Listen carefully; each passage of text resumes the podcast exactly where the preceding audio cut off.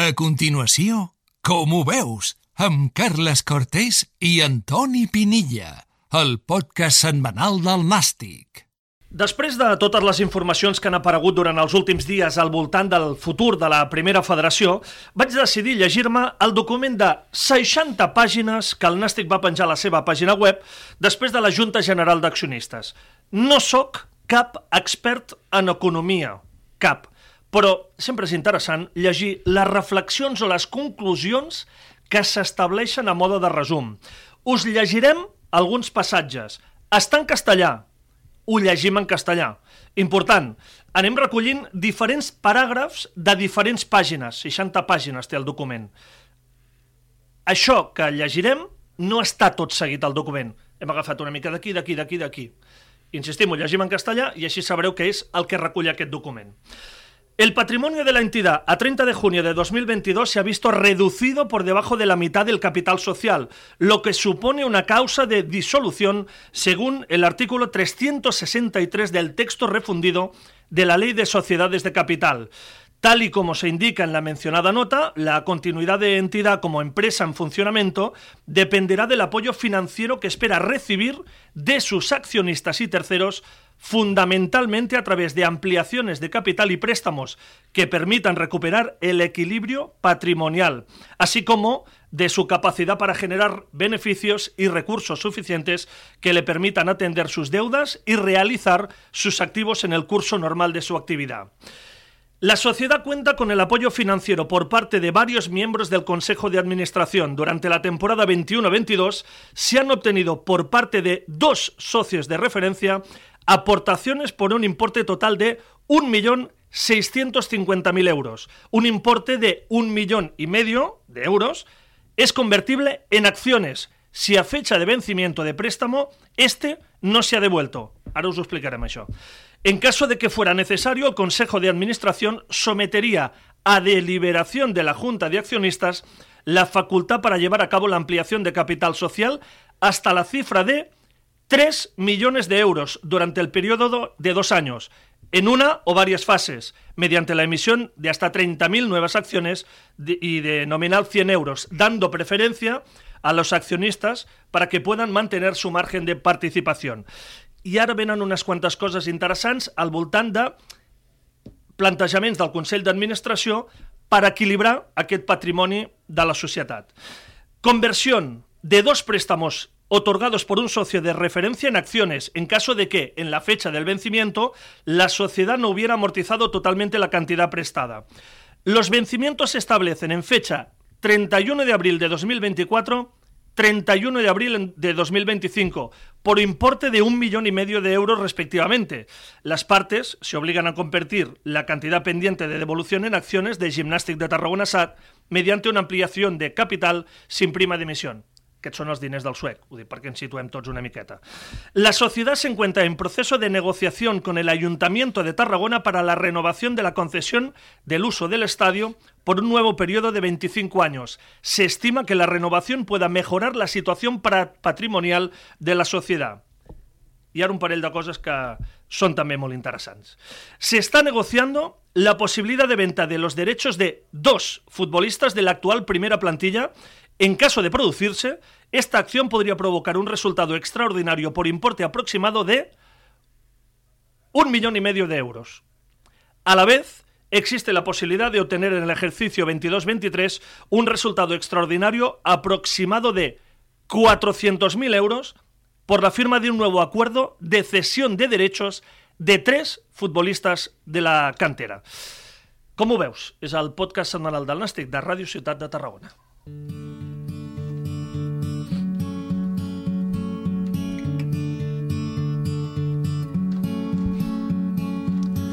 Antoni Pinilla, com estàs? Hola, què tal, Carles? Tu eres futbolista.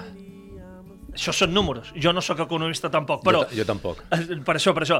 El que hem volgut venir a demostrar és que la situació esportiva, ara la parlarem, no passa pel millor moment, però és que la situació econòmica, la veritat és que tampoc no és massa, massa bona.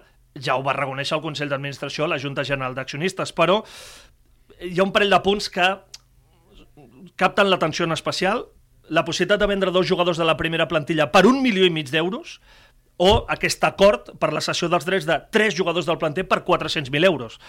Més enllà de tota aquesta situació econòmica. Toni, la primera federació és una bona categoria?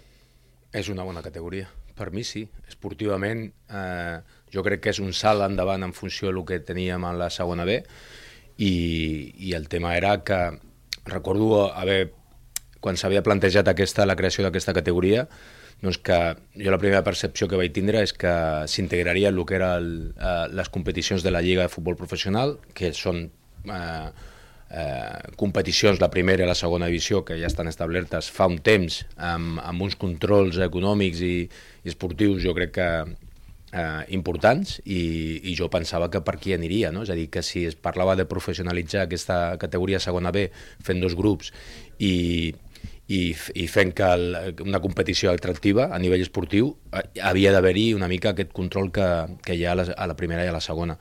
Al final no va ser així, no va ser la, la Lliga la que va gestionar aquesta competició i va ser la federació, que era una mica la que va, la que va generar aquest canvi.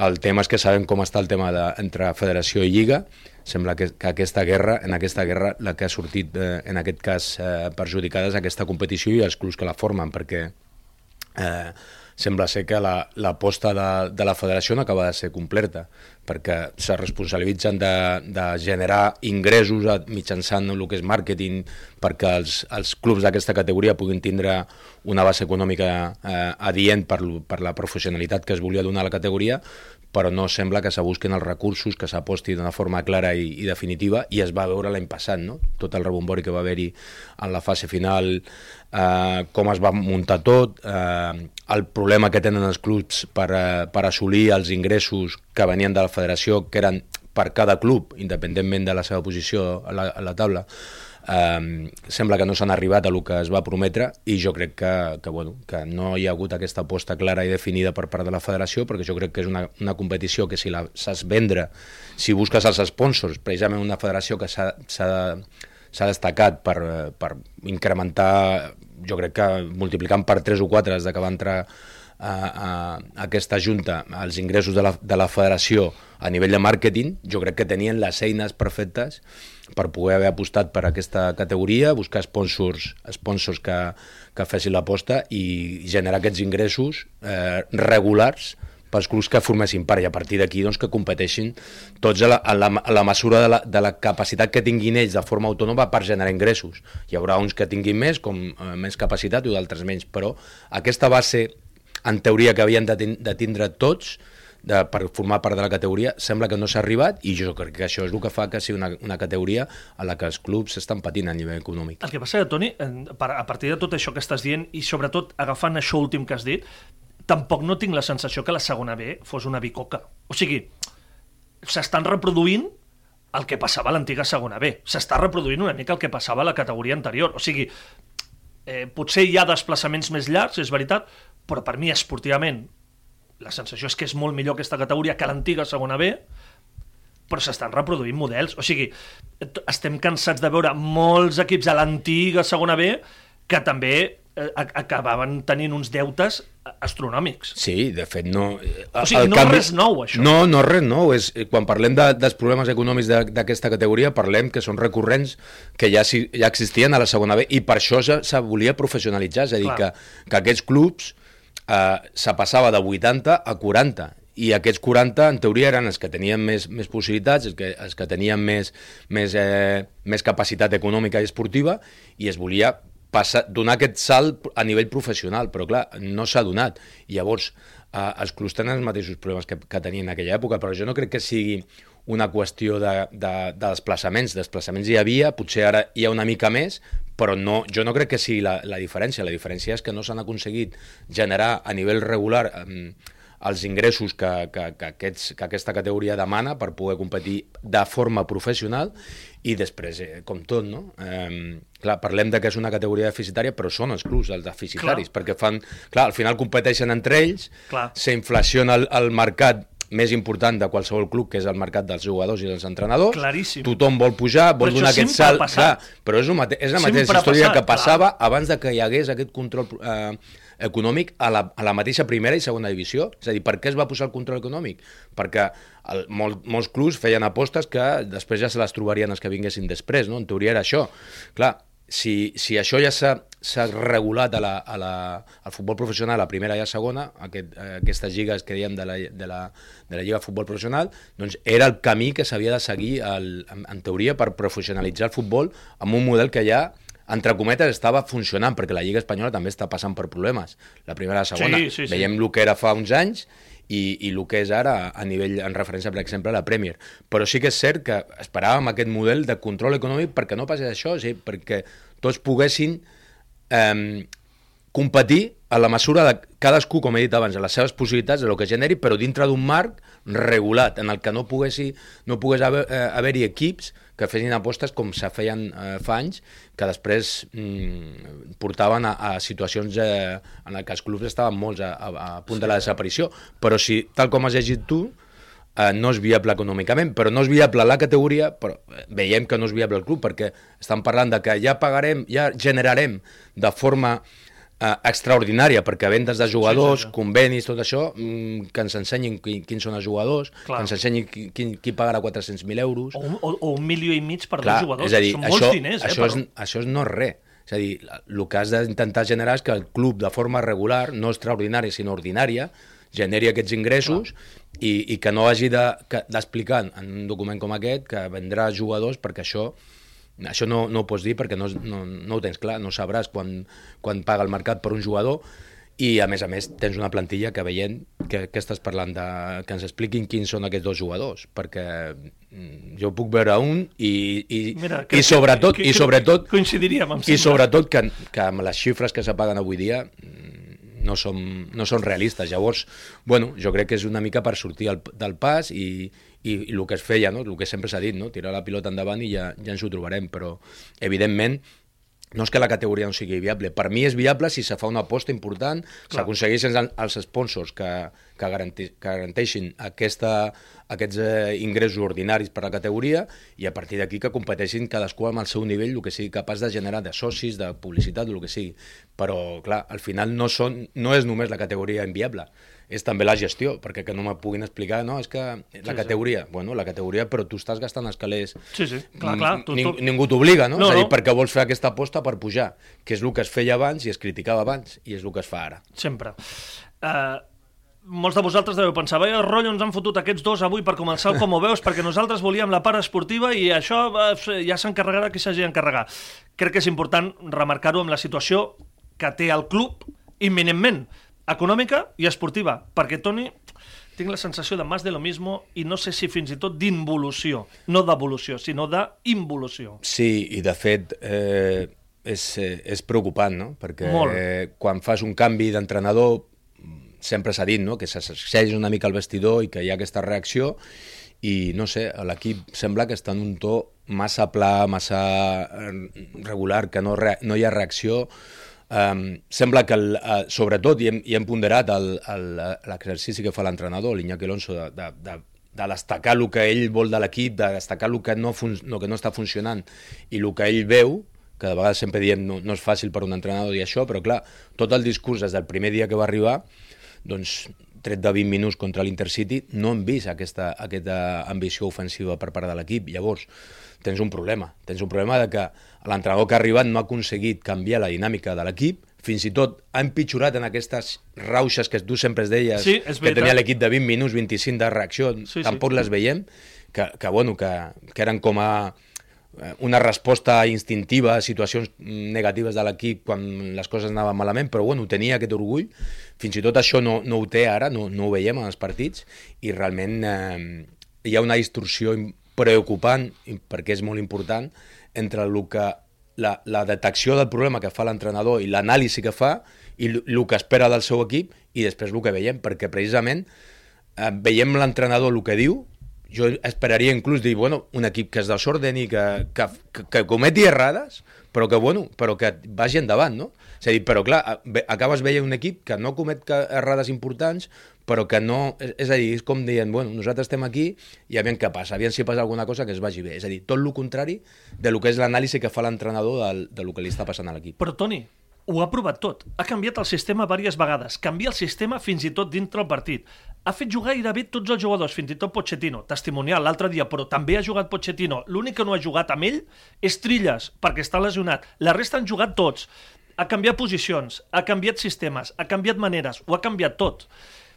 O sigui, no serà perquè no ho intenta. Per mi són dos anàlisis diferenciats. Primer, el del curt termini. El curt termini el responsable és l'entrenador. És a dir, un com a, quan arriba com a entrenador, igual que era el Raúl responsable, ara eh, és l'Iñaki Alonso. És a dir, que la, en el seu debe està una mica el que no hagi pogut arribar a transmetre aquesta, aquesta, aquest missatge que fa de portes en fora a, de portes en dins. És a dir, que l'equip no l'hagi comparat. Això és una responsabilitat del, de l'entrenador. És a dir, quan comuniques algú quan, com a responsable i no arriba, potser el problema és tu, que no ho acabes de fer o no toques la tecla adequada. A partir d'aquí, això és el curt termini, és a dir, mm, analitzar per què, el que hem dit abans, hi ha aquesta distorsió entre el que diu l'entrenador i després el que es veu de l'equip, no? És a dir, que sembla que el diagnosi, l'anàlisi està ben, ben plantejat, però després la resposta no, no, no, no existeix. És, dir, és un problema de l'entrenador. De ser capaç de, de portar aquest anàlisi a que, i aquest uh, diagnosi a trobar les solucions a nivell futbolístic. No estan arribant. No. A partir d'aquí hi ha una anàlisi més profunda que seria més al mig i al llarg termini. Estem parlant de que, clar, i aquí ja estàs parlant de que si no acaba de funcionar un entrenador, si l'equip no acaba de funcionar amb un altre, eh, arribarem a la conclusió de que potser allò que ens van vendre al començament de temporada, que tenien la millor plantilla i que havien d'anar a buscar la primera posició, doncs era un, un, un desig, però que com jo des del principi he pensat i no perquè ho pensi jo a nivell eh, valoratiu, sinó perquè vas a les pàgines de valoració de Transfer Markets, per exemple, que, que fa valoracions de plantilla, el Nàstic era la decena, plantilla o la novena, començaments de temporada, i ara mateix està en aquesta posició. És a dir, que no és que jo no valori que no sigui la millor plantilla, jo crec que hi ha apostes més importants a nivell econòmic, Castelló, Múrcia, mm. Eldenses, Intercities, per dir alguna cosa, eh, i que l'equip estava dissenyat per poder intentar lluitar per, la, per playoff, però parlar de, primer, de primera posició jo crec que s'ha vist ara, no perquè jo ho opini, sinó perquè he dit, objectivament, sí, sí, sí, hi ha plantilles més valorades i jo crec que aquesta és la realitat de l'equip. A partir d'aquí, doncs, eh, és evident que se pot valorar la configuració de la plantilla, que aquí ja hauríem de parlar de la, de la gestió esportiva que s'ha mm. fet, de, de, la, de com se marquen objectius, del treball del dia a dia. Bueno, Inclús de, per què no? Perquè quan canvies entrenador i la cosa no funciona, sempre has de posar el focus en els que són més importants, sempre dient. Els jugadors. No m'agrada posar el focus, però s'ha de posar, no? És a dir, potser que els jugadors no acaben de, de trobar el punt per donar el, el seu millor rendiment i, i aquí no és tot responsabilitat de l'entrenador és responsabilitat del propi jugador i això ho sap els jugadors. Quan les coses no funcionen, ningú s'amaga. Deixa'm que et faci la pregunta dolenta del com ho veus d'avui, perquè reconec que és la pregunta dolenta i que no agrada, però és si, si posem el focus aquest en els jugadors és no l'entenen? No en saben més? O no el volen entendre? Bueno, aquí són posem, coses diferents, posem eh? totes les variables. La primera, hi ha el, el, el, la responsabilitat de l'entrenador en aquest cas, de, el que he dit abans, el, el curt termini, de fer-se entendre i, i que això arribi. Això és, I no l'entenen. Bueno, però és un, una qüestió de, potser del que fa el missatge. Vale. vale. A partir d'aquí, eh, que no, que no en saben més, com dius tu, bueno, jo crec que he dit abans que era una plantilla per mi per lluitar pel playoff. És a dir, que... Jo, jo també ho crec, per, que penso clar, eh? que estan per sota del que hauria de ser. I aquí també és una qüestió de, dels entrenadors i, evidentment, dels jugadors. I després, no sé, és a dir, quan tu eh, arriba un entrenador i hi ha un canvi, jo esperava molt més d'aquesta plantilla en aquest sentit. Jo no? també. És a dir, una reacció de dir, bueno, ara es, es posa el focus una mica en nosaltres, no tenim una mica el parapeto de l'entrenador, i aquí has de donar alguna més, no? Jo crec que aquesta plantilla, clar, no és la mateixa plantilla de l'any passat, però hi ha molts jugadors. L'any passat ho vam comentar i recordo el dia després del dia de Sabadell que vaig dir és moment de jugadors, és moment d'orgull, és moment de responsabilitat. I l'equip ho va fer, ho va treure endavant i va sí, demostrar senyor. que tenia això. No? Sí, senyor. Aquesta temporada això no ho estem veient. Hi ha el, el, el, el, el, el cor central de l'equip segueix sent el mateix, però clar, arriba gent nova, les circumstàncies no són les mateixes i aquest equip fins ara no ha tret el que va treure en aquell moment de la temporada passada.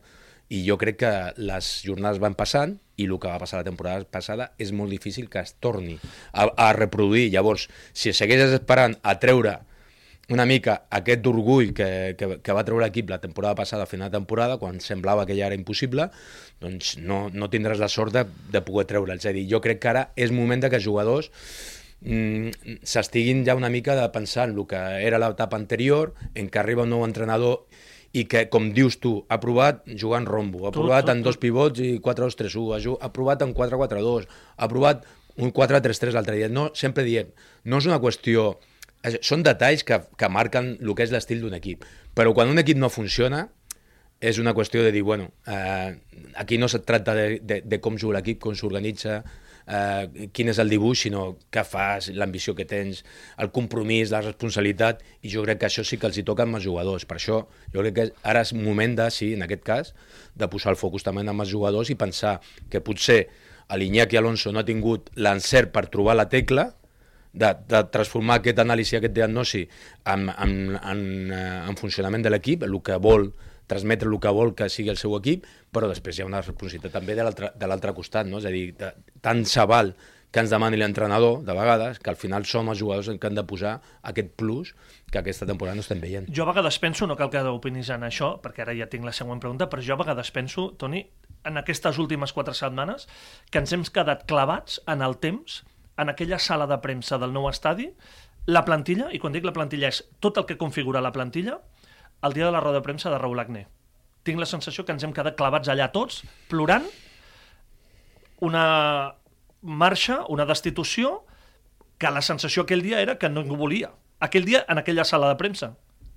Aquell dia, en aquella sala de premsa, que semblava que ningú volia. I tinc la sensació que ens hem quedat clavats allà i d'allà ja no n'hem sortit, doncs, mai més. Per mi és una errada. La, no, no, clar. Els vestidors, els vestidors els composen, eh, evidentment, futbolistes, entrenadors, però són persones. És a dir, quan hi ha algú que marxa, i després de molt de temps hi ha un vincles emocionals, un, uns vincles personals que són, que són així, però després hi ha la professionalitat, és a dir, quan arriba, quan, quan això acaba, i a més a més acaba perquè no acaba de funcionar, és a dir, si estigués en una situació que tu, és molt injust perquè l'equip està funcionant però per qualsevol altra cosa el fan fora l'entrenador, ho entendria però clar, és que l'equip no acaba de, de tirar, perquè si veies la classificació, la classificació era la que era.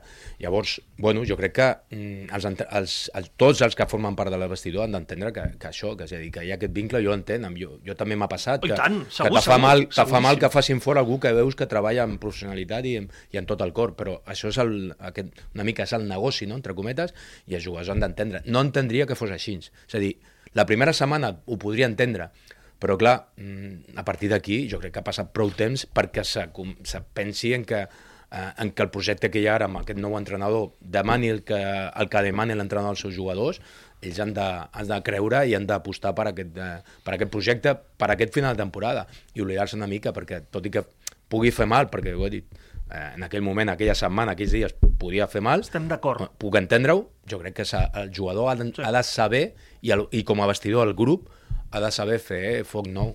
Avui estem fent el com ho veus més llarg de molt, des de fa molt de temps, però creiem que tant aquesta part econòmica com aquesta part esportiva mereixia una anàlisi molt més profunda, més enllà del dia a dia, que és el que fem el com ho veus. Partir partit, partit, partit, partit, perquè fem els exàmens parcials dels partits, però això ho mereixia. Ràpidament, per tancar, Toni, i ara sí que ho farem així més telegràfic, um, la bona notícia de tot això és que tampoc no estem tan lluny de la promoció d'ascens.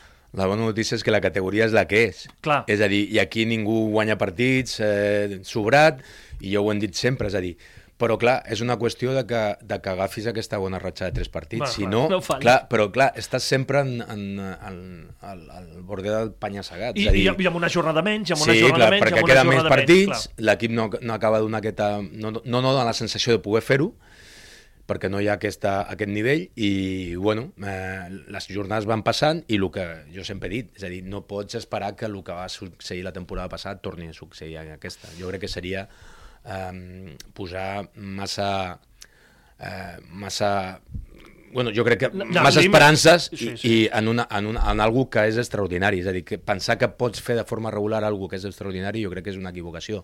Llavors, jo crec que toca començar a fer aquest eh, anàlisi per part de, de tothom i pensar que, que necessiten aquest, aquest canvi, no? és a dir, aquest plus, i no es tracta ja del dibuix, no es tracta del que els demanen els entrenadors, sinó de responsabilitat de tots. No? És a dir, jo he dit, posem el focus en Niac Alonso, que té la seva responsabilitat, ell ha de saber on arriba, què li demana arribar a un equip eh, en aquestes alçades de temporada i, i el que demana la categoria, i no està trobant, no l'està trobant aquesta forma de, de comunicar i que, i que l'entenguin. Però, clar, jugadors i, i tots que formen part d'aquell grup saben que, que hi ha alguna més també i, i que aquest plus els hi toca amb ells. Sòria, Numància, Los Pajaritos, diumenge, 12 del migdia. Bueno, eh, és un bon equip, el Numància. És a dir, aquí, si juguessis al camp del Cué, al camp del Bilbao Atlètic, ja ho vam veure la, la, la setmana passada, seria un partit difícil. És a dir, aquí a, a mi no em preocupa, és a dir, si jugues contra el primer, o l'Eldense, o jugues contra l'últim. Serà un partit difícil en el cas de fer les coses bé per guanyar, si no, no, no ho fas en aquesta categoria. I veurem. Eh, venim una derrota, pensem que tenim dos partits a casa, però seran partits també contra equips que venen bé, però no pots pensar que segueixin passant les jornades i tu no facis aquesta passa endavant. Toni, espero que el dilluns vinent digui saps allò que vam parlar la setmana passada? Oblida't de tot. No, però saps Tampoc que no, no, no amb, una, eh? amb una victòria no serà això. això és dir, eh, esperem que siguin amb una, amb una, amb una tacada de tres victòries com a mínim, que serà el que li permetria a l'equip ficar-se ja, si no a playoff, a, a prop de playoff. Però clar. clar, ara mateix estàs necessites aquesta atacada. Pues que, si estiguessis ara, ara al, al pensava... Múrcia, al Castelló i tal, no necessita aquesta atacada. Amb aquest ritme que van, d'un empat, un perdo, un altre guanyo, estaran allà, però clar, tu sí que necessites fer aquest pas endavant i veurem. És que jo eh, començo a pensar, fem, fem 48 punts o 50 primer i després ja li preguntaré a Toni sobre altres coses. A vegades començo a pensar això. bueno, després del partit contra el Múrcia vaig pensar això, ho reconec. És normal. Eh, Toni, ens retrobem dilluns vinent. Perfecte. I vosaltres ja ho sabeu, eh? Divendres a Nàstic amb l'Eric Rosique, diumenge a 12 del migdia, Numancia Nàstic en directe a Ràdio Ciutat de Tarragona. Hey there, Delilah, what's it like in New York City? I'm a thousand miles away, but girl, tonight you look so